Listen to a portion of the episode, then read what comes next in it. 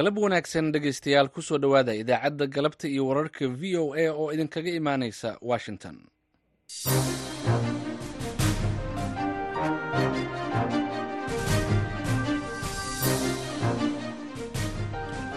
Waa talaado bisha febraayo ee sannadka labada kun afar iyo labaatankana waa labaatan waxaadna naga dhagaysanaysaan mawjadaha gaagaaban ee lix iyo tobanka iyo sagaal iyo tobanka mitirban iyo bogga v o a somaali dot com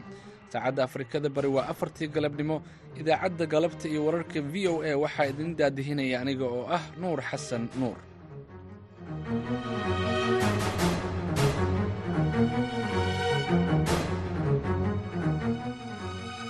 Qodobada aad ku dhegaysan doontaan idaacadda galabta iyo wararka v o a waxaa ka mid ah. Shir looga hadlayo kalluumaysiga soomaaliya oo ka furmay kismaayo. Dadkeenna inaan barno wacyigelin loo sameeyo oroteeshinno badan la sameeyo. Suuqyada maalmaha qaarkood la xanibo oo laydhaha kalluun waxaana laguma qali karo lama gadi karo. Iyo midda labaad oo ah sidii loo soo saari lahay annagu aan u dhoofin lahayn waxaa kale oo aad dhegaysan doontaan xubintii amuuraha maraykanka oo ku saabsan maxkamadaha ku socda madaxweynihii hore ee maraykanka donald trump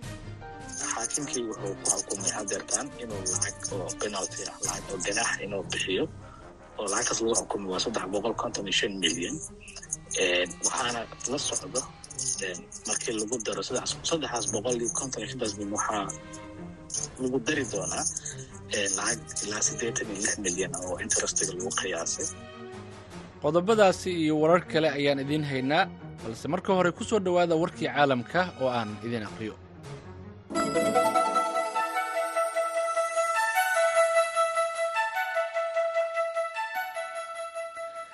golaha ammaanka ee qaramada midoobey ayaa lagu wadaa in galabta uu cod u qaado qaraar ee geysay dowladda aljeeriya kaas oo lagu dalbanayo in si deg deg ah xabad joojin looga hirgeliyo khaza qaraarka dalalka carabta ay geeyeen golaha ammaanka ayaa waxaa taageeray in ka badan boqol saddex iyo sagaashan dal oo xubno ka ah qaramada midoobe waxaana uu dalbanayaa in la helo xabad joojin shan bil ah. Codaynta qaraarka oo bilaaban doonta tobanka subaxnimo ee saacadda bari ee maraykanka kuna beegan lixda maqribnimo ee xilliga geeska afrika ayaa la filayaa in maraykanka uu awoodda qayaxan ee vitoga uu ku hor istaago hase yeeshee dowladaha carabta ee riixaya ayaa rajaynaya inay soo jiitaan dareenka caalamka si loo soo afjaro dagaalka u dhexeeya israa'iil iyo xamaas. Danjiraha maraykanka ee qaramada midoobey linda thomas greenfield ayaa sheegtay in maamulka madaxweyne biden uu diidi doono qaraarka aljeeriya sababo ay ku sheegtay in qaraarka uu faragelinayo dadaalada socda ee uu maraykanka ku rabo inuu heshiis ku kala dhex dhigo dhinacyada dagaalamaya. Dhinaca kale maraykanka ayaa faafiyey qaraar qabyo ah oo ka soo horjeeda kan lagu wado in maanta ay u codeeyaan xubnaha golaha ammaanka. Qaraarka maraykanka oo ay v o a da aragtay ayaa dalbanaya in khaza laga dhaqangeliyo xabad joojin kumeel gaar ah oo socon doonta ilaa iyo lix toddobaad in xamaas ay sii dayso dhammaan dadka ay ka haysa israa'iil iyo in israa'iil ay qaado dhammaan xayiraadaha ay saartay gargaarka bini'aadanimo ee gala khaza israa'iil ayaa sii wada duqaynta dhanka cidhka ah ee ay ku hayso marinka khaza kadib markii la soo wariyey in maanta oo talaado ah ay madaafiic ku garaacday bartilmaameedyo dhowr ah oo ku yaalla deegaanka khanyonis iyo deegaano kale oo ku yaalo dhinaca koofureed duqaymahan ayaa ku soo beegmaya xilli saacadaha soo socda lagu wado in golaha ammaanka ee qaramada midoobey ay u codeeyaan. Qaraar lagu dalbanayo xabad joojin ka dhaqan gasha khaza hase yeeshee qaraarka ayaa lagu wadaa inuu awoodda qayaxan uu ku diido maraykanka. Meelaha la duqeeyey ayaa waxaa ka mid ah magaalada khan yunis oo la sheegay in sidoo kale uu ka dhacay dagaal culus oo u dhexeeya ciidamada israa'iil iyo xoogaga xamaas wariyaasha ayaa sidoo kale ku soo waramaya in xaafadaha zaytuun iyo xaafadaha kale ee ku hareereysan la duqeeyey militariga israa'iil ayaa isna maanta ku amray dadka rayidka ah ee ku nool xaafadaha zaytuun iyo turkamaan ee dhinaca koofureed ee khaza in ay ka baxaan taasi oo muujinaysa in xoogaga falastiiniyiinta ay weli iska caabin adag ka wadaan aagaga waqooyiga khaza oo ay militariga israa'iil sheegeen in si weyn loo sifeeyey toddobaadyo ka hor. Tan iyo toddobadii oktoobar markaas oo uu bilowday duulaanka israa'iil ee khaza ayay wasaaradda caafimaadka ee khaza ee hoos timaada xamaas sheegtay in khaza lagu dilay in ka badan sagaal iyo labaatan kun oo rayid ah una badan dumar iyo carruur. Dowladda koonfur afrika ayaa maanta oo talaado ah ku boorisay maxkamadda caalamiga ah ee cadaaladda ee loo soo gaabiyo i c j inay soo saarto fikrad sharci ah oo aanan qasab ahayn taas oo sharci darro ka dhigaysa qabsashada israa'iil ee dhulka falastiiniyiinta go'aankaas oo ay south africa ku sheegtay inuu gacan ka geysan doono dadaalada lagu doonayo in xal waara looga gaaro arrinta israa'iil iyo falastiin. Maxkamadda i c j ayaa maalintii labaad dhageysatay doodo dooda wakiilo matalaya koonfur africa waxaana ay dhageysiga dacwadani uu daba socdaa codsi ka yimid golaha guud ee qaramada midoobey kaas oo maxkamadda ka codsaday inay soo saarto qaraar ra'yi ah oo aanan dhaqangal ahayn balse muujinaya inay sharci darro tahay qabsashada israa'iil ee dhulka falastiin. In ka badan konton dowladood ayaa soo bandhigi doona doodo arrintani ku aadan ilaa iyo lix iyo labaatanka bishan februaayo isniintii wakiilada falastiiniyiinta ayaa ka codsaday maxkamadda ugu sarreysa qaramada midoobey inay ku dhawaaqdo in qabsashada israa'iil ee dhulkooda ay sharci darro tahay iyaga oo sheegay in go'aankaasi uu gacan ka geysan doono xal labada wadan iyo nabad waarta israa'iil kama qaybgeli doonto dhageysigan laakiin waxay dirtay bayaan qoraal ah oo ay ku sheegtay in ra'yiga arrintan ee maxkamadda ay waxyeello u geysanayso guul laga gaaro heshiis ay labada dhinac gaaraan gaar ahaan heshiiska falastiiniyiinta. Dhegeystayaal warka caalamka waa naga intaa u diyaar garooba qeybaha inooga haray idaacaddeenna galabta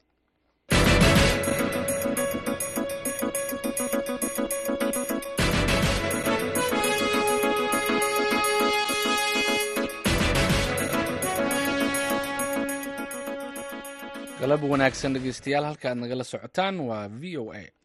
Aan ku bilownay madaxweynaha dowlad goboleedka jubbaland axmed maxamed islaam ayaa maanta kismaayo ka dahfuray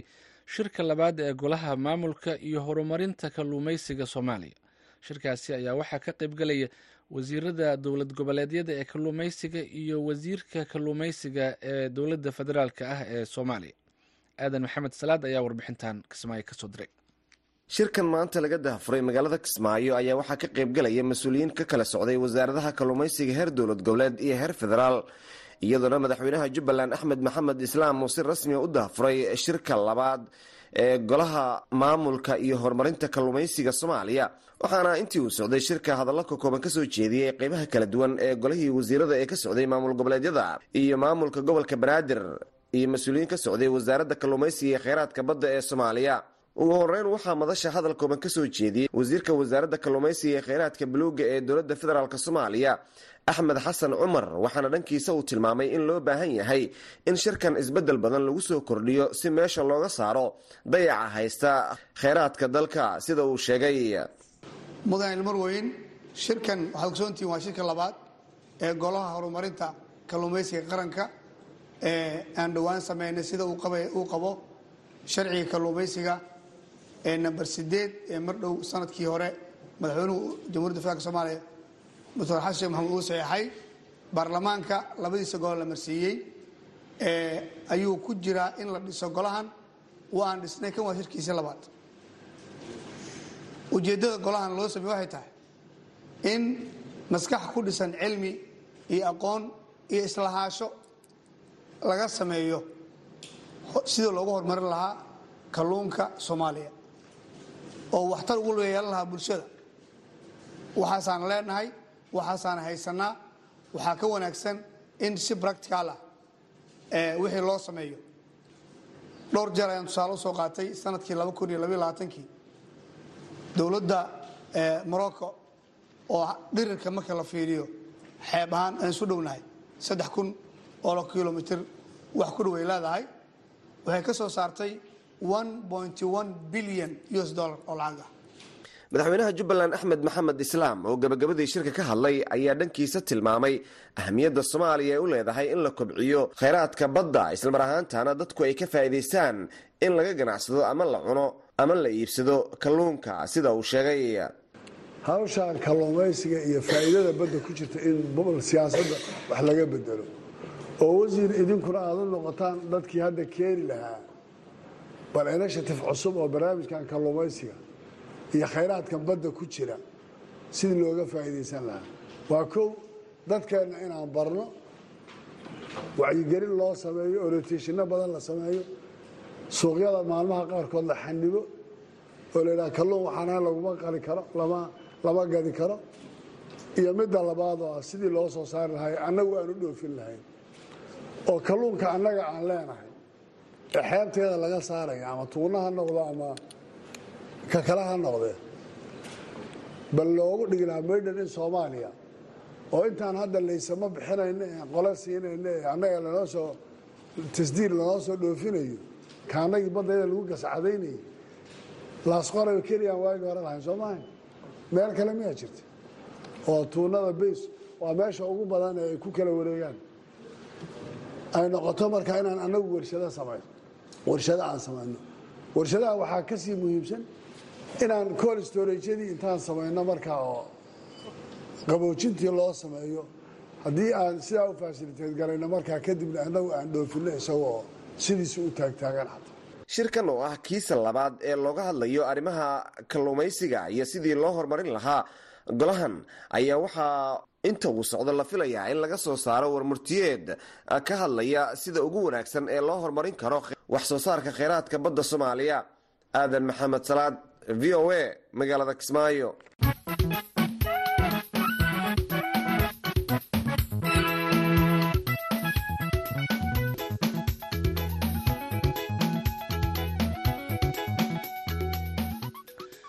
golaha ammaanka ee qaramada midoobey ayaa sidii aad maqlayseenba kulan waxa uu ka yeeshay xaaladda soomaaliya iyada oo kulanka lagu soo hadal qaaday xiisadda siyaasadeed ee u dhexeysa soomaaliya iyo ethoobiya danjiraha soomaaliya abukar cismaan ayaa ku eedeeyay ethoobiya inay doonayso in ay goosato dhul soomaaliyeed. Eedaasi oo hore ethoobiya ay u beenisay sidoo kale is-afgaradkan waxaa difaacay somalilan iyo ethoobiya labadaba. Waxaa sidoo kale halkaasi ka hadlay ku-xigeenka ergeyga britain ee qaramada midoobey james criki warbixin arrintaasi ku saabsan waxaa inoo haya ismaaciil xuseen farjar. Shirkan golaha ammaanka ee qaramada midoobay oo ahaa mid furan ayaa lagaga hadlay xaaladda soomaaliya waxaana ugu horrayn kulankan furtay guddoomiyaha meertada ah oo ka socotay dalka guyana. Ugu horrayn waxaa hadalka la siiyey ergeyga gaarka ah ee xogayaha guud ee qaramada midoobay u qaabilsan soomaaliya katriana liang iyada oo golaha uga warbixisay xaaladda guud ee soomaaliya waxayna ka hadashay qodobo kala duwan oo ay ku jiraan doodda dib u eegista dastuurka ee ka socota baarlamaanka soomaaliya shirka garowge colaadihii gobolka sool iyo sida xaalku ku dambeeyey iyo qodobo kale. Arrimaha ay sida gaarka ah u taabatay waxa ku jirtay xiisadda u dhexaysa soomaaliya iyo etoobiya On the 1st of January, Ethiopia and Somaliland announced a memorandum of understanding which reportedly bishii januari kowdeedii somalilan iyo etoobiya waxay shaaciyeen heshiis is-afgarad oo etoobiya lagaga kareeyey dhulxeebeed labaatan kilomitir ah muddo konton sannadood ah iyada oo somalilan ay kaga beddelanayso arrimo siyaasadeed iyo kuwo dhaqaale. Faahfaahinta heshiiskaas is-afgarad war badan lagama hayo. Hase ahaatee tan iyo markii lagu dhawaaqay heshiiskaas is-afgarad soomaaliya ayaa si weyn uga soo hor jeesatay sidoo kale waxaa arrin laga walaaco ah in ururka al-shabaab laftoodu ay arrintan u isticmaaleen farsamo ay dad cusub ku qortaan ayay tidhi. Waxay sheegtay in xogayaha guud ee qaramada midoobay uu muujiyey sida ay uga go'an tahay in la ixtiraamo madax bannaanida iyo gobonnimada soomaaliya iyo in khilaafkan lagu dhammeeyo hab wada hadal ah. Sidoo kalena laga fogaado ereyada xanafta leh ee xiisadda uga sii dari karaa waxay nasiib darro ku tilmaantay in ilaa hadda aan wax horumar ah laga samaynin tallaabooyinka hoos loogu dhigayo xiisaddan gaar ahaan kulankii ugu dambeeyey ee golaha midowda afrika. Dhinaca kale waxaa isna ka mid ahaa diblomaasiyiintii kulankaas ka hadashay danjire ku-xigeenka ingiriiska u jooga qaramada midoobay.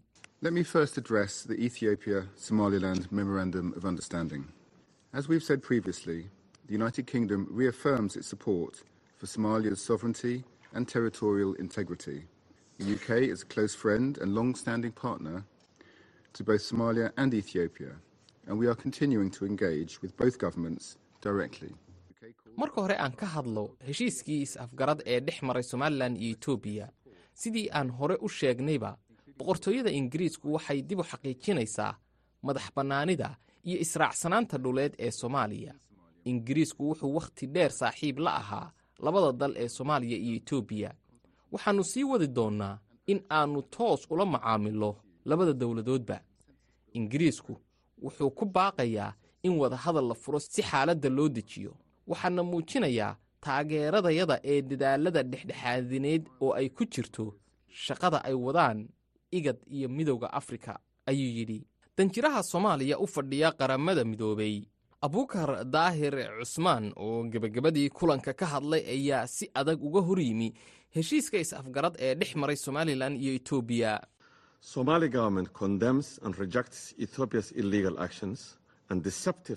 dowladda soomaaliya waxa ay si adag u cambaaraynaysaa oo ay diidan tahay tallaabooyinka sharci darrada ah ee ay ku dhaqaaqayso etoobiya kuwaas oo ay doonayso in ay ku goosato qaybo ka mid a dhulka soomaaliya dowladda soomaaliya waxay ka digaysaa in arrintani aanay si xun u saamaynin oo keliya xasiloonnida gobolka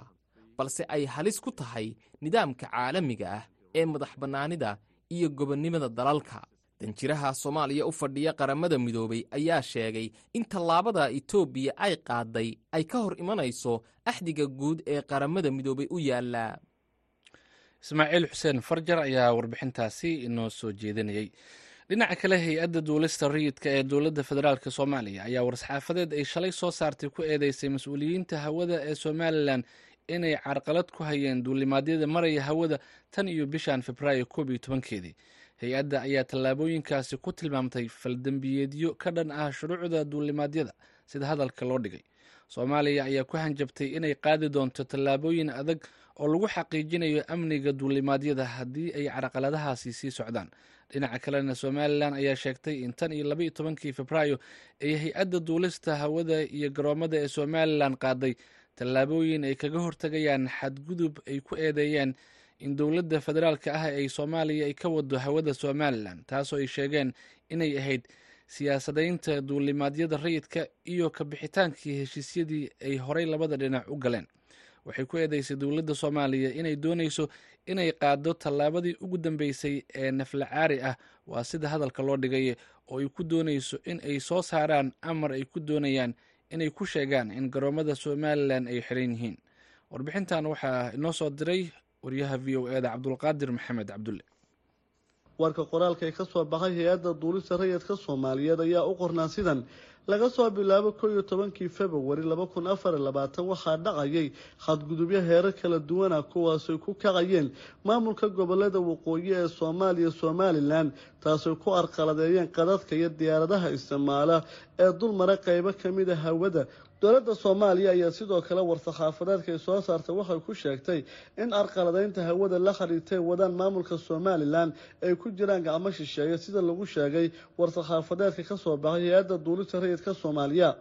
Haddaba haddii ay sii socdaan tillaabooyinka fandimbiidyada ee lagu arqaladeynayo duulimaadyada rayidka ee dulmara gobollada waqooyi ee dalka waxay dowladda soomaaliya iyada oo ka hor ku qasbanaan doontaa inay qaado tillaabooyin aadadag ee xaqiijinaya amniga iyo badqabka duulimaadka rayidka soomaaliyeed ayaa lagu yidhi war-saxaafadeedka.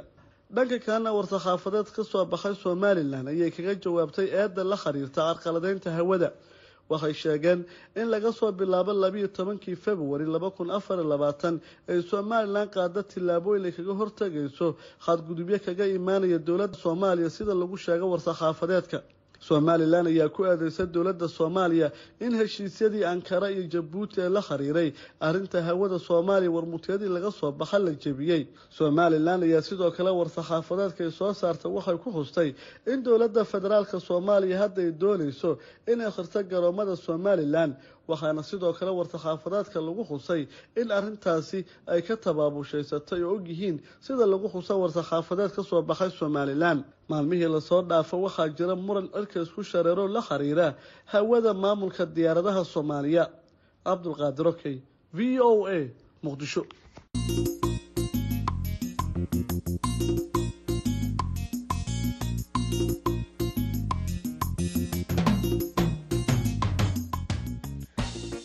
galab wanaagsan dhegeystayaal halkaad nagala socotaan waa v o a oo idinkaga imaaneysa washington haatanna bariga dhexe.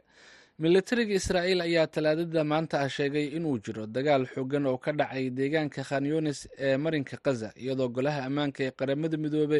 uu isu diyaarinayo inuu u codeeyo qaraar ay soo diyaarisay aljeeriya oo ku baaqaya xabad joojin deg deg ah. Si sare loogu qaado helitaanka gargaarka iyo diidmada barakicinta qasabka ah ee falastiiniyiinta warbixin ay v o eda ka qortay arrintan waxaa soo koobaya jamaal axmed cismaan. Safiirka maraykanka u fadhiya qaramada midoobay linda thomas garfield ayaa sheegtay in maraykanku uu adeegsan doono codka diidmada qayaxan ee golaha ammaanka si uu u hor istaago qaraarka kaasoo ay sheegtay inuu dhaawici karayo dadaalada dhexdhexaadinta ah. Kahor codbixinta maraykanku waxa uu u qeybiyey go'aankiisa qabyada xubnaha golaha. Nuqul ka mid oo v o eda aragtay ayaa waxa uu diiradda saaraya sii deynta lahaystayaasha ay haystaan xamaas waxaana xustay baahida deg deg ee loo qabo qorshe macquul ah si loo ilaaliyo dadka rayidka ee ku dhaqan rafax ee ku socda weerarada ka dhankaahi ee israel ay wado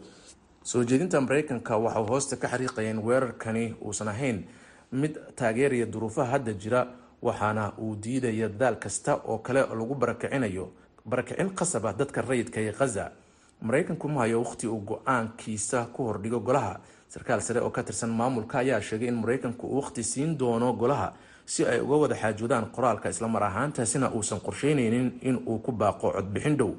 Wadahadallo toddobaadyo socday oo ay ku lug lahaayeen maraykanka masar iyo qatar ayaa lagu guuldaraystay in laga soo saaro heshiis lagu hakinayo dagaalka gaza laguna sii deynayo lahaystayaasha israel ayaa ka digtay qorshe ay ku qaadayso weerar xoogan oo ay ku bartilmaameysanayso rafax oo ah deegaanka koonfurta khaza ku tirsan oo xuduudna la leh masar halkaas oo la sheegay inay ku nool yihiin hal dhibic shan milyan oo filistiiniyiina waa hagaag dhegeystayaal kaasina wuxuu ahaa jamaal axmed cismaan oo warbixintaasi inala socodsiiyey dowladda ruushka ayaa la sheegayaa inay soo food saari karaan cunaqabateennyo kale oo uga yimaada reer galbeedka kadib geeridii hogaamiyihii mucaaridka ee maxbuuska ahaa alexey navalni dhinaca kale militariga ukrain ayaa soo tabinaya weeraro kale oo dhinaca diyaaradaha aanan duuliyaha lahayn oo ka yimid dhanka ruushka. Warbixin ay v o eda qortay waxaa inoo soo koobaysa zahre ciidanuur milatariga dalka ukrain ayaa sheegay in weeraro cusub oo ay fulinayaan diyaaradaha aan duuliyuhu wadin ee dalka ruushku ay duqooymo cusub u geysteen. Maantoo salaaso ah iyadoo ay jiraan cadaadisyo la doonayo in ruushka lagu saaro cunaqabateyn cusub oo ka dhana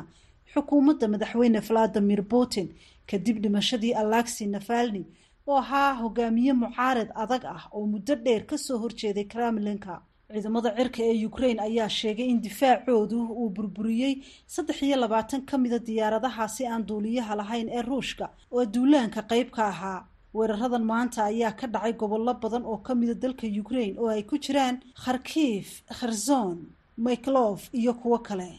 Weerarka ruushka waxaa kale oo ku jiray afar gantaal oo kuwa meelaha fogfog laga haga ah. Ilaa haddana ma jirto wax wara oo ka soo baxay saraakiisha ciidamada dowladda oo ku aadan gantaalahaasi meesha ay ku dhaceen iyo khasaaraha ay geysteen.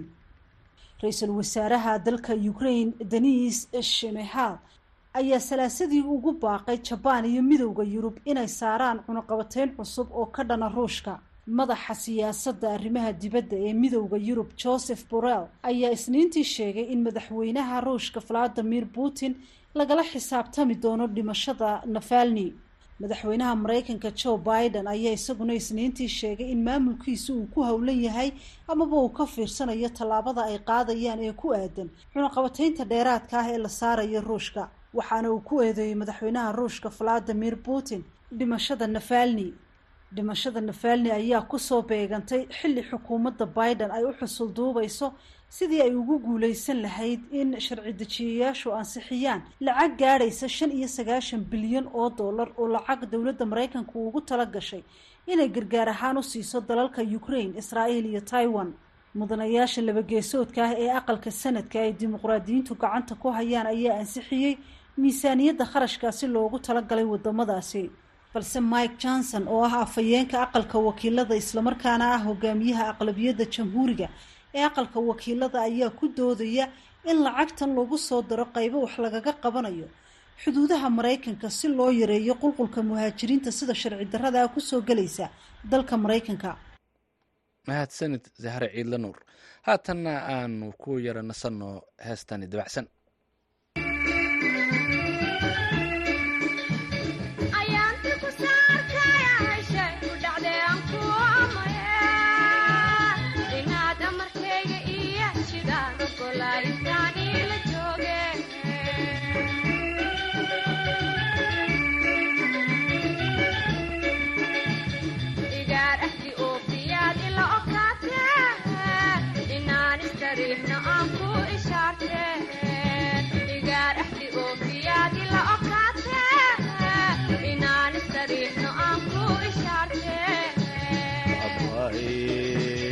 adoonku arkaa imaanka ordaay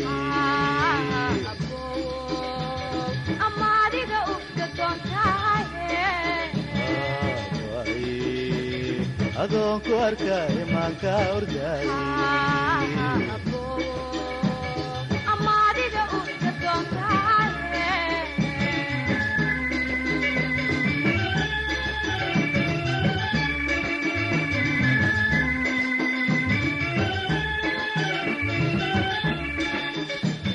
adoon aragday aheene inaan aqalka imaad maahine waxaan ka ordaa inaa leesku keen arko eedan ku keene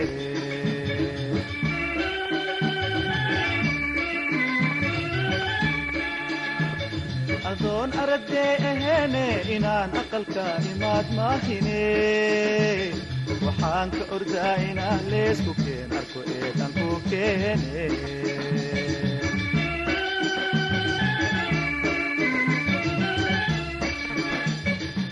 inaan asturnaana oon iska adkaane intaas iga yeel arwaaxayga waaye inaan asturnaana oon iska adkaane intaas iga yeel arwaaxayga waaye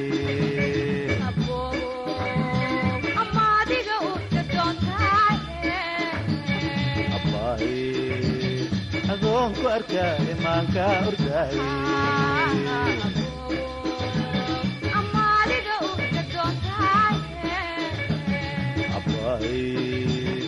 adoonku arkaa imaanka ordaaye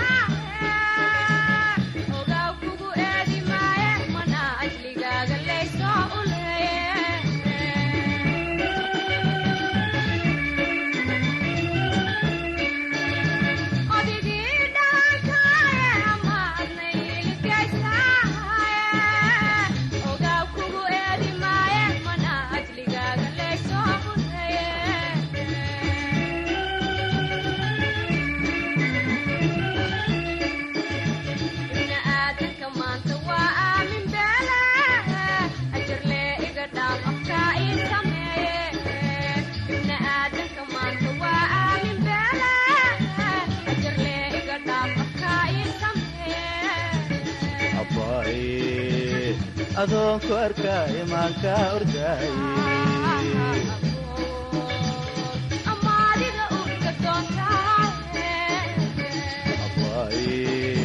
ee adoonku arkaa imaanka ordaaye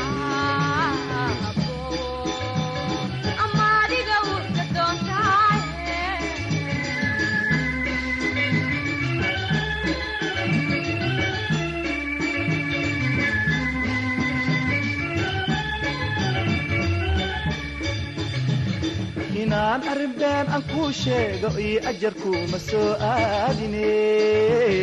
Igaar lisku aaminaayo akhyaarnima loo abuuraanahaye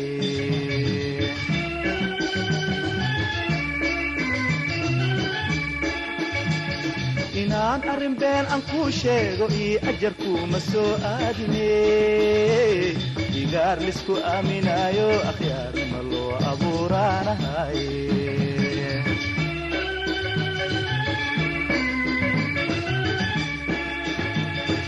yahay aqli iyo iimaan lahaawe inaan ku ilooba may kula ahaatee inan yahay aqli iyo iimaan lahaawe inaan ku ilooba maa kula ahaatee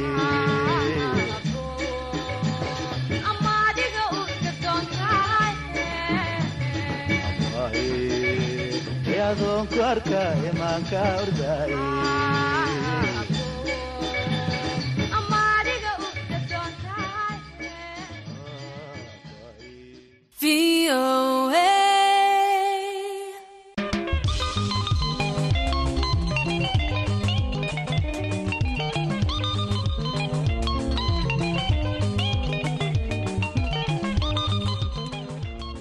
saabsan soomaaliya iyo caalamka iyo barnaamijyo ay ka mid yihiin barnaamijkii amuuraha maraykanka ayaa inoo soo socda balse marka hore ku soo dhowaada warkii caalamka oo rogaalo celisa.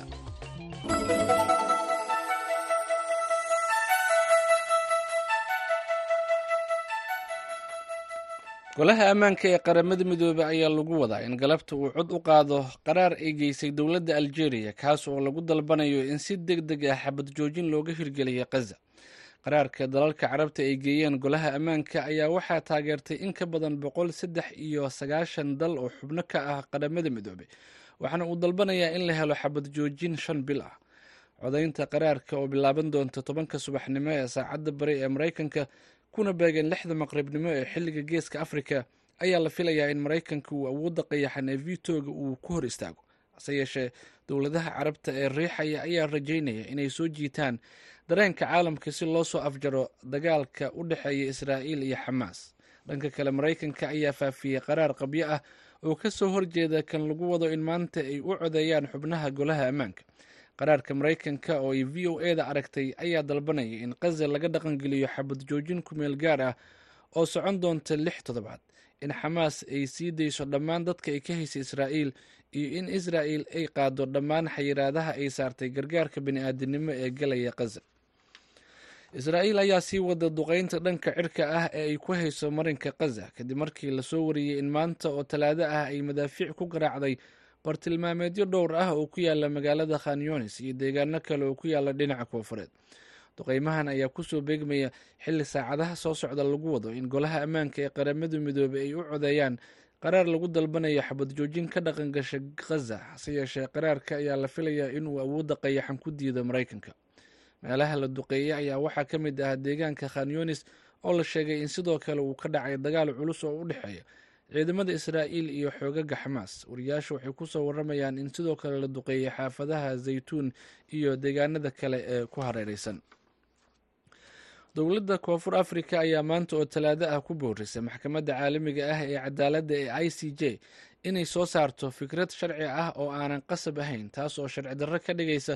qabsashada israa'iil ee dhulka falastiiniyiinta. Go'aankaasi oo ay south africa ku sheegtay inuu gacan ka geysan doono dadaalada lagu doonayo in xal waara looga gaaro arrinta israa'iil iyo falastiin. Maxkamadda i c j ayaa maalintii labaad dhegaysatay doodda wakiilo matalaya koonfur africa waxaana ay dhegeysiga dacwadani uu daba socdaa codsi ka yimid golaha guud ee qaramada midoobey kaas oo maxkamadda ka codsaday inay soo saarto qaraar ra'yi ah oo aanan dhaqalgal ahayn balse muujinaya inay sharci darro tahay qabsashada israa'iil ee dhulka falastiin. In ka badan konton dowladood ayaa soo bandhigi doona doodo arrintani ku aadan ilaa iyo lix iyo labaatanka bishan februaayo dhegeystayaal warka caalamka waa naga intaa. U diyaar garooba qeybaha dambe ee idaacaddeenna galabta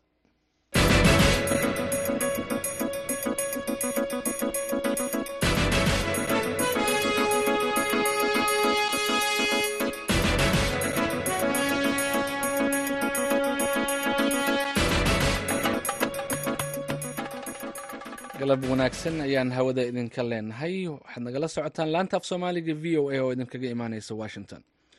Dowladda soomaaliya ayaa iska fogeysay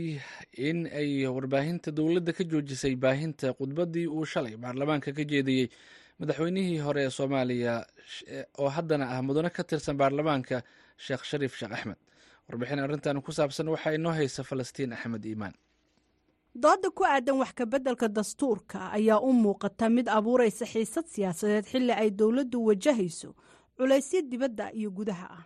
Siyaasiyiin iyo madax hore oo dalka soo maray ayaa u arkay in wax kabeddelka dastuurka ama dhammaystirkuba ay tahay mid aan waddo sax ah loo maraynin. Maamulka puntland ayaan weli iyagu wax wada shaqayn ah la lahayn dowladda dhexe waxaana weli madlan gogol uu ku baaqay madaxweynaha dib loo doortay ee puntland siciid cabdulaahi dani madaxweynihii hore ahna xildhibaan ka tirsan baarlamaanka soomaaliya sheekh shariif sheekh axmed ayaa shalay khudbad uu baarlamaanka ka jeediyey waxa uu aada ugu dhaliilay wax kabeddelka dastuurka iyo ku mashquulka dowladda ee howlo laga horeeyey ama laga mudan yahay. Maanta waa taariikh. Annagaa joogna qarankan waana la soo gaarsiiyey. Waxaa nagala rabaa inaan ka fikirno maxaan u reebaynaa carruurteenna soo socota iyo kuwa joogaba waxaan rabaa inaan u gudba intaas keliya ma aha waxaa ku jira dastuurka in la bedelo qaab dhismeedka dowladnimo ee dalka uu leeyahay. Nidaam baarlamaani aan ku soconnay. Waxaanu guuraynaa nidaam presidential ah lixdan sano wakti ka badanna waxaan ku soo jirnay nidaam baarlamaani ah nidaamka baarlamaaniga ee aan ku soo soconnay intaas waa hanaanka isku kaynahayay ilaa hadda qarankan burburkiisuna wuxuu bilowday maalintii sharciga la laalay hanaankaas la laala ayuu bilowday hadda baarlamaankan iyo kuwa ka horreeyey weli awood uma helin inay waajibaadkooda si furan oo xur ah u gutaan. Mar walba waxaa ku dhex jiray faragelinta fulinta. Waxaan ognahay dastuurkan loobinkiisa iyo hadalkiisa kama imaanin baarlamaanka. Waxaana la rabaa inuu ku dhammaado dastuur aan madaxweyne dooranaynin xukuumad ansixinaynin sharciyo sameeya bes nidaamka presidentialka waxa u baahan yahay tala intaan ka ballaaran doodda shalay ee baarlamaanka oo si toosa looga tabinayay tv-ga qaranka ayaa qoraal uu soo saaray madaxweynihii hore ee soomaaliya sheekh shariif sheekh axmed. Waxa uu sheegay in laga jaray warbaahinta qaranka taasoo uu sheegay in ay tahay xaqiiqda oo la daboolayo. Xildhibaan yuusuf xuseen axmed gamaadiid oo ka mida xildhibaanada aadka ugu dhow madaxweynihii hore sheekh shariif sheekh axmed ayaan weydiiyey waxa ka jira eedaasi. Sidai caadadu tahayba kalfadhiga guud ee baarlamaanka labada gole iyo markay gologolo shirayaanba intaba warbaahinta qaranka iyo warbaahinta kale ee gaarka loo leeyahaba dhammaantoodba accessi uleeyihin inay yimaadaan tabin toos ah ayay sameeyaan oo xildhibaan kastoo hadlaya si life ah ayaa warkiisa loo sii daayaa dhammaan tviyadao dhan. Tvga qarankana wuxuu hormuud u yahay tviyadaas iyo warbaahintaas toosinta tooskaa samaynaysay siday toos ay ugu jirtay hawada markii madaxweynihii hore ee soomaaliya shariif sheekh axmed loo yeeray ayaa hal mar la jaray oo weliba hadalkuu bilaabay ayaa la jaray. Dabintii tooska ahayd ee tvga qaranka u waday. Kadibna siday caadadu tahay xildhibaan kastoo hadlaa markuu hadalka ka sii dhammaanayaba hadalkiisii ayaa beijka la soo dhiga xildhibaanadii kaloo dhan waa la soo dhigay haddana isla tiisina. Tvga lagama sii dayn lamana soo dhigin. Marka arrinkaas wey arrinka uu ka hadlay. Xildhibaan yuusuf gamaadiid ayaan weydiiyey haddii uu shaki gelinayo bal intaasi ay noqon karto cilad farsamo iyo in kale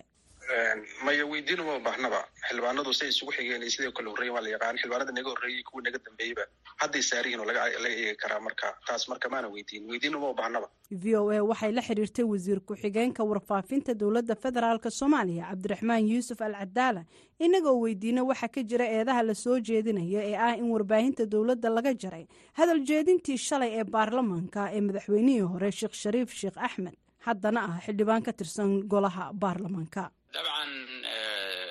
telefishinka iyo warbaahinta qaranku guud ahaan waxay u adeegtaa dadka soomaaliyeed waxayna ku shaqaysaa si waafaqsan shuruucda dalka muxuu ahaa dhammaan muwaadiniinta soomaaliyeed heerarkooda kala duwanna waa u siman yihiin waana u madax bannaan yihiin si gaara arrinta aad ii weydiisay madaxweyne shariif ku saabsan runtii madaxweynuhu madaxweyne hore oo soomaaliyeed oo qaranka soomaaliyeed soo maray oo xurmo weyn la waaye sidoo kalena waa xildhibaan ka tirsan golaha baarlamaanka ma jirto siyaasad wasaaradda ama dowladda ama warbaahinta qaranku ay leedahay oo maaragtay hadalka iyo khudbadda muxuu ahaa madaxweynaha maaragtay xildhibaankana lagu joojiyey. Mar kasta ayaa hadaladiisu ka baxaan munaasabadihiisa caadiga iyo kulamadiisa caadiga isaga iyo mas'uuliyiinta soomaaliyeed oo dhan. Marka si guud waxaan rabaa inaan adiga iyo dadka soomaaliyeed ba idiin xaqiijiyo in arrintaasi aynan maaragtay ahayn arrin jirta muxuu ahaa waana wax dee maalin kasta wararka routiinka ah oo maalinlaha ah oo socdo oo dhacdooyinka kala duwan iyo shirarka kala duwana dhammaan mas'uuliyiinta soomaaliyeed oo dhan waa u siman yihiin si siman ayaana maaragtay loo sii daayaa mana jirto haba yaraatee siyaasad faafreebaysa aragtida dadka soomaaliyeed ee mas'uuliyiinta iyo shacabka soomaaliyeed intaba. Madaxweynihii hore sheekh shariif sheekh axmed ra'iisul wasaarihii hore xasan cali khayre iyo xildhibaan cabdiraxmaan cabdishakuur ayaa goor sii horreysay bayaan ay soo saareen. Waxay ku muujiyeen sida ay uga soo horjeedaan una dhaliilayaan qorshaha dastuurka wax lagaga bedelayo iyagoo sheegay in wadatashi iyo isdhegaysi loo baahan yahay. Mahadsanid falastiin warbixintaasina waxaa inoo soo jeedisay. Falastiin axmed iimaan wariye u dhalatay faransiiska oo muddo dheer ku noolay dalka indiya ayaa laga masaafuriyey dalkaasi kadib markii ay mas'uuliyiinta hindiya ku eedeeyeen inay qortay warar halis ku ah sharafta iyo madax bannaanida dalkaas. Warbixin uu qoray sheekh casiisuraxmaan oo ka tirsan v o a waxaa soo koobaysa zahre cabdi axmed. Vanisa dagnek ayaa beenisay eedeymaha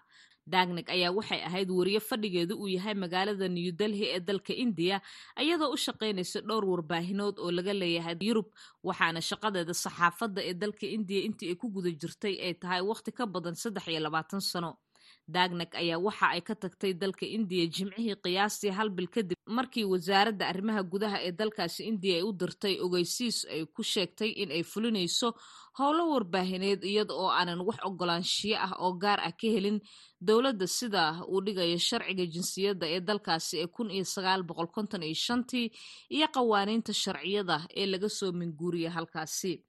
wasaaradda ayaa ogeysiiskeedan warqadda ee loo diray gabadhaasi janawari siddeed iyo tobankeedii iyadoo lagu eedeeyey in ay warbixinadeeda ka buuxaan waxyeelo ayna abuureyso aragti qalqal gelinaysa dadka indiya ku dhaqan taasi oo kicin karta qalqalna gelin karta bulshooyinka dalkaasi ayaa layiri qaarkood. Xilli ay ka jawaabaysa eedeymahaasi ayaa waxay iska fogeysay in warbixinadeeda ay yihiin kuwo abuuraya xaalado khatar leh oo qalqal abuurayo maamulka ayaa sidoo kaleeto ku eedeeyey dagnak in ay u safartay aagaga dhulka xaniban ayadoo aanan wax fasaxa haysanin. Wararka qaarkood waxay sheegayaan in wasaaradda gudaha ay ka codsatay inay keento kaarkeeda ogolaanshiyaha ee deganaasho dalkaasi in si sharci ah ay ugu noolaan karto uguna shaqayn karto dalkaasi indiya iyo sida ay ku haysato dagnak ayaa waxa ay guursatay nin u dhashay dalka hindiya wuxuuna u ogolaaday inay qaadato kaarka deganaanshiye ee dalkaasi ee o c i-ga ee dadku ay isticmaalaan ayagu ajaanibta ah. Dagnak ayaa soo saartay bayaan markii ay ka tagtay dalka indiya ayadoo tiri erayadan waxa aan ku qorayaa ilmo ama oohin. Indiya waa meeshii aan ku guursaday ayay tiri oon ku koriyey wiilkayga oo aan ugu yeero sidoo kale hoygayga ama ciideyda tani ma ahan markii ugu horreysay ee dagnak ay arrin noocan oo kaleeto ah kala kulanta mas'uuliyiinta dalka indiya. Waxaa bishii sebteembar sannadkii labadii kun iyo labaiyo labaatankii lagala noqday ogolaanshiyaheeda wariyanimo ay ku shaqayn karto. Waxay tiri dowladdu waxa ay diiday xaqaygii ahaa in aan ku shaqeeyo saxafi ahaan dalkaas inta aan joogo iyadoo aysan bixinin wax sabab ah iyo cudurdaar iyo dhegeysi la'aan intaasi kadib ayaa wasaaraddu hal mar aysan ka jawaabin sidoo kaleeto codsiyadeeda soo noqnoqday ee ku aadan in sharaxaad laga bixiyo ama dib u eegis lagu sameeyo tallaabooyinka gardarrada ah ee lagu qaaday gabadhaasi sida ay tiri. Intii haddaba ay ku guda jirtay howlaheeda shaqo ee saddex iyo labaatanka sano ee warbaahinta dalkaasi indiya dagnek ayaa waxa ay warbixino ka qortay qeybo kala gedisan oo dalka indiya ah iyo sidoo kaleeto dalalka ku dhowdhow sida afghanistan bangaladesh nepal bakistan iyo srilankaba sanadihii la soo dhaafay waxa ay warbixinadeeda mawduucyo kala gedisan ay ku jireen kuwo ay kaga hadashay ra'iisul wasaaraha dalkaasi narendra modi iyo sidoo kaleeto indiya kor u kaca xoogaga hinduuga ah xuquuqda dadka keymaha ee dalkaasi xaaladda siyaasadeed ee indiya ee indiyada ee maamusho kashmiir iyo kacdoonka moski ee bartamaha dalka indiya warbaahinta v o eda ayaa imailo waxay u qortay xafiiska xogayaha arrimaha gudaha ee dalkaasi indiya ajey bahala si uu markaasi codsigaasi faallo ee ku saleysan arrimaha keenay in shaqada laga joojiyo lagana eriyo dalkaasi dagnek ay kaga jawaabaan balse wax jawaab ah ilaa iyo haatan kama aysa bixinin aad ayay u mahadsan tahay. Zahre cabdi axmed oo warbixintaasi inoo soo jeedisay. Haatanna ku soo dhowaada barnaamijka amuuraha maraykanka waxaa soo diyaariyey soona jeedinaya maxamed cabdi xasan sandheere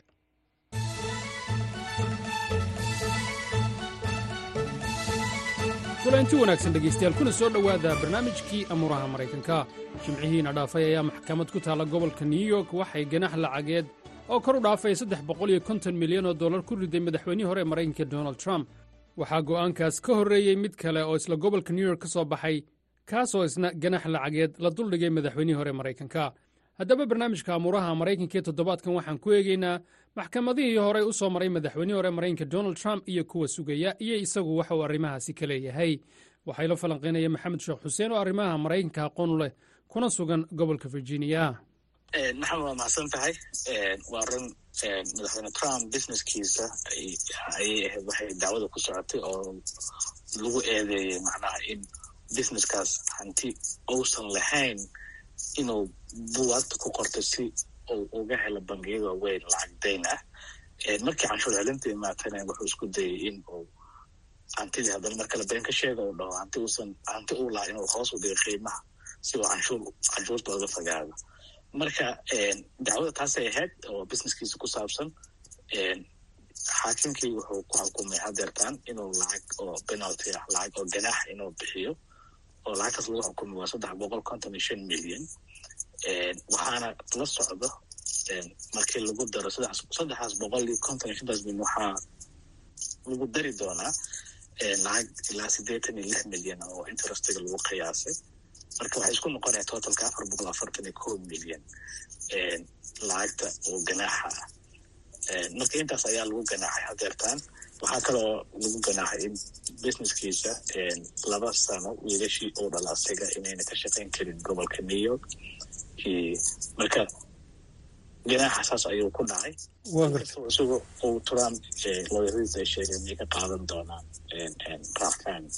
waan gartay. Dacwad kalea ka horreysay oo haweeney soo eedaysay oo tidhi wuu ii faraxumeeyey markii hore lacag baa lagu xukumay ilaa shan milyana haddana marar kale uu ka hadlayey meelo fagaara ah. Ayuu sumcad xumo igu sameeyey ayay tidhi. Dib baa loogu noqday maxkamaddii maxaa lagu ganaaxay markaas? Taasna way jirtaa oo haweenadaas sida la leeyahay wakti hore ay wax dhex mareen kadibna wax dhex markaas labadooda dhex maray. Ka haddana waxaa jirta inuu sida haddaba a sheegta xoog lagu geystay oo markaas haweeneyda waa horta islaan oo qoraayo waaye. Marka markii la isku daro maxkamadda waxay u xukuntay adiga lacag siddeetan iyo lix milyan oo dollar ah. Marka ayaduna waa taas waa waa waa waa waa ganaxa kaleento dhankaas oga yimid. Labada kiisna waxay ka socdeen new york waan gartay. Weli waxaa jirta haweeney kale stormy daniels iyadana arrinteeda loo balansay taas maxkamadaas way jirtaa waxay dhici doontaa iyadana next bish soo socota ayay bilaaban doontaa oo gabadhaas waxaa lagu eedeeyay ayadana fahanteed inay wax dhex mareen xilli hore. Xilligii oo madaxweyne trump isku soo dhex tuura siyaasadani twenty fifteenkii markuu cambaynka ku jiro madaxtinimada gabadhaas waxaa la sheegay inay lagu aamusiyay iyadana ahaanteeda lacag si ay madaxweyne markuu tartan ku jira ayna dhaawac ugu geysan ololaha doorashadiisa labadii kun lix iyo tobankiina watuu ku guuleystay madax madaxtinimada marka halkaas ayaa iyadana dacwo kale kaga socotaa oo ayadana fahanteeda bisha soo socota laiskugu imaan doona ayadana fahanteeda waa waa gobolka new york waan gartay dacwado kale oo dhowraa jira tii dokumentiyadii uu marologo gobolka florida la tegey waxaa jirta tii weyneyd janawari lixdeeda iyo in natiijadii doorashada uu carqaladeeyey amaba uu doonayey micnaha inaan la ansixinin madaxweyne biden inuu xilka ku guuleystay. Hase yeeshee waxaa jira kays kale oo ka furnaa gobolka georgia degmada la yidhahdo falcon oo ahayd in uu doonayey in codad uuna isagoo xaq u lahayn uu helo. Dacwaddaas waxaa gacanta ku haysay haweeney xeerlaaliye ka ah gobolkaas. Dacwadaha ku furmay iyadii. Marka bal faahfaahin haddaad naga siisid dacwadaha gabadha ku furmay iyo sida ay maslaxad ugu noqon karto madaxweyne trump. Maxamed waa maxsan tahay horta madaxweyne trump markaad fiiriso calendarka sanadkan maxkamadaha way badan yihiin. Waa sidaad sheegtay mid waa midda january lixdeed wixii dhacay lagu haayo dacwadeeda ku socoto. Midna waa dokumentiyada uu qaatay gurigiisii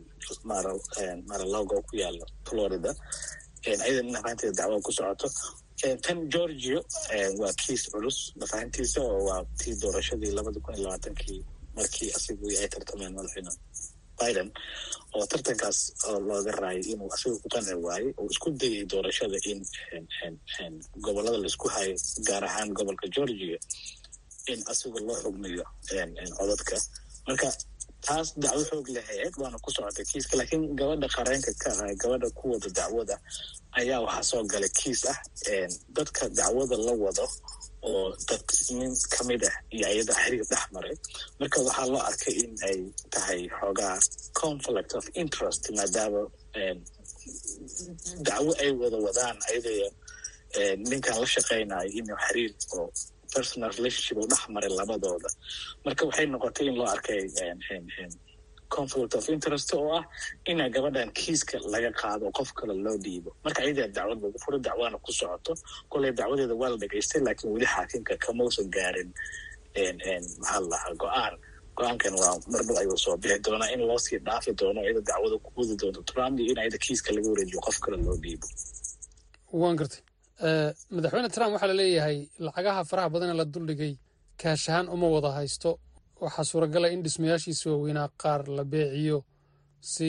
lacagtan lagu leeyahay uu isaga bixiyo. Hase yeeshee isagii qaranadiisu maxay arrintan ka leeyihiin madaxweyne trump sida horta muuqato sida isigu hantida u sheegto oo leeyahay oo dadka qaarna ay u haystaan inuu yahay nin billionaire ah inuusan ahayn ayaa muuqato oo hadda sida kiisaskan kacad oo yani businesskiisa markii hadda baaritaanka lagu sameeyey waxaa la ogaaday in businesska uu leeyahay labadii kun afariyo tobankii ilaa labadii kun labaatan iyo kowdii inay ku dareen hanti aysan lahayn inay buagta ku qorteen oo lacag ilaa laba bilyan iyo lacag laba bilyan kor u dhaafayso inay sheegteen. Marka sida dadka qaar ay haystaan inuu taajir u yahay ama uu nin billionaire u yahay uma ahan runtii lacagta hadda la xugmiyey waa lacag half billion kor u dhaafayso runtii waana lacag badan. Inkastoo laakiin qofkii xoolo haysta ayna ku badnayn laakiin trump uma eka inuu lacagtaas kaash ahaan u haysto. Runtii waa waxyaalo meelo hanti uu leeyahy way jirtaa laakiin kaash ahaan ma haystaa la leeyahay lacagtan marka su'aasha waxa waaye intay lacagtan ka imaanaysa ayaasa bixinahay marka waxay leeyihiin dadka maadaama uu ku jiro tartan oo campaign ah oo doorasho orolo maatinimo uu cararaayo dadka campaignka lacagta ugu dhoonadgareey oo ugu deeqo qaab ka ayuu isticmaala ayaa lagu eedeynaya ayada nafahanteeda haddii taas xitaa sharciga lama ogola laakiin haddii lagu helo ayada nafahanteeda dood kale iyo dacwo kale ku furmi kartaa marka waxay noqonaya marka dambe in hantida oo dhismayaasha uu leeyahay qaar ka mid in la biiciyo si uu iskaga bixiyo qarashkaas haddii oo aan la helin cid bixiso marka isagii qaranadiisu maxay leeyihiin madaxweyne trump marna asugu ma qarinayo dembi. Wuxuu leeyahay aniga wax dembi on gala ma jirto. Aniga waxa waaye waxaa liigu sameynaya siyaasad ahaan maadaama aan tartan ku jiro waxaan siyaasa ka dambayso oo wax la siyaasadeeyey marka mar kasta oo kiis lagu soo ooga ama dacwo sida hadda tan lagu xukumo o kale lagu xukumo asagoo marna wax ma qarto dhegaystayaal waxaa intaasi noogu dhammaaday barnaamijkii amuuraha maraykanka. Intaynu barnaamij kan oo kale a mar kale ku kulmi doonno waxaan dhegaystayaal idinkaga tegayaa sidaas iyo nabadgelyo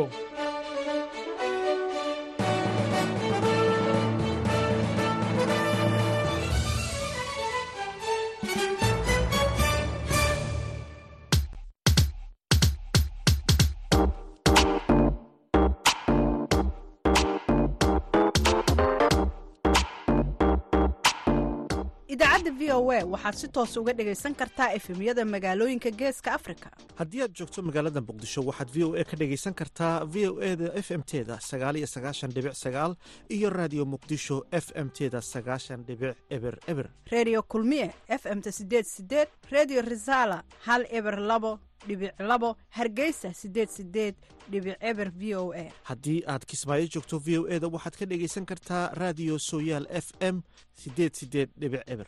gobolka hiiraan hiiraan weyn f m sagaashan megaherts redio baydhaba siddeetan iyo sagaal dhibic shan f m. Haddii aad joogto puntland v o a waxaad ka dhegaysan kartaa s b c radio boosaaso siddeetan iyo sagaal dhibic sagaal f m qardho siddeetan iyo sagaal dhibic sagaal f m isla mawjadahaasi waxaad ka dhegaysan kartaa waaciya iyo garowe. Wajeer waxaad naga dhegaysan kartaa star f m sagaashan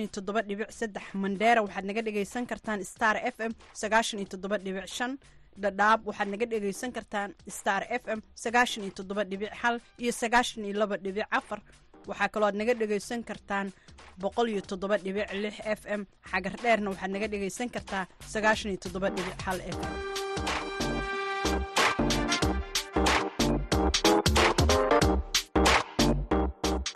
gabagabadii ayaan dhegaystayaal ku sii siqaynaa hase yeeshee aan ku wada nasanno heestan iyo dabacsan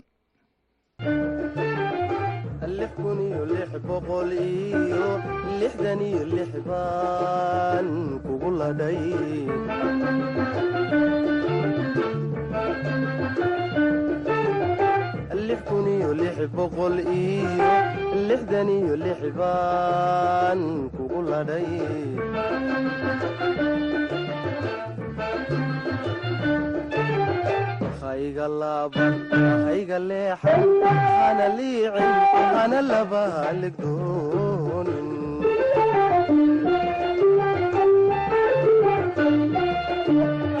hayga laaban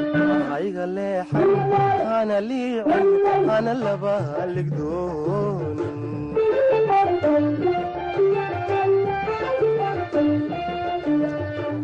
ama libintaasiig ama labalis caashaqa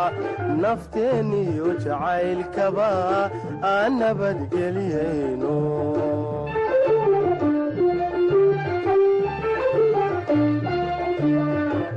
ama libintaasiig ama labalis caashaqan nafteeniyo jacaylkaba aan nabadgeliyayno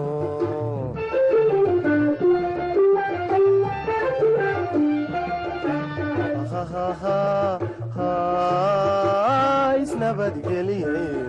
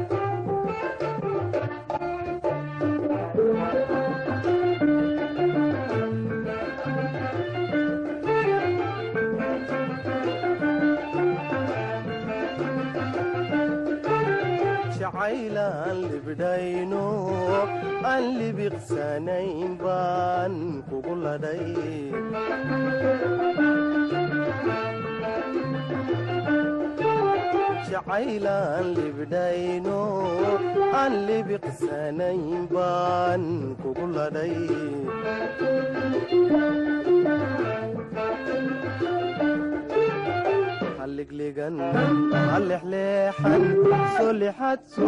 ana laba halligdoonin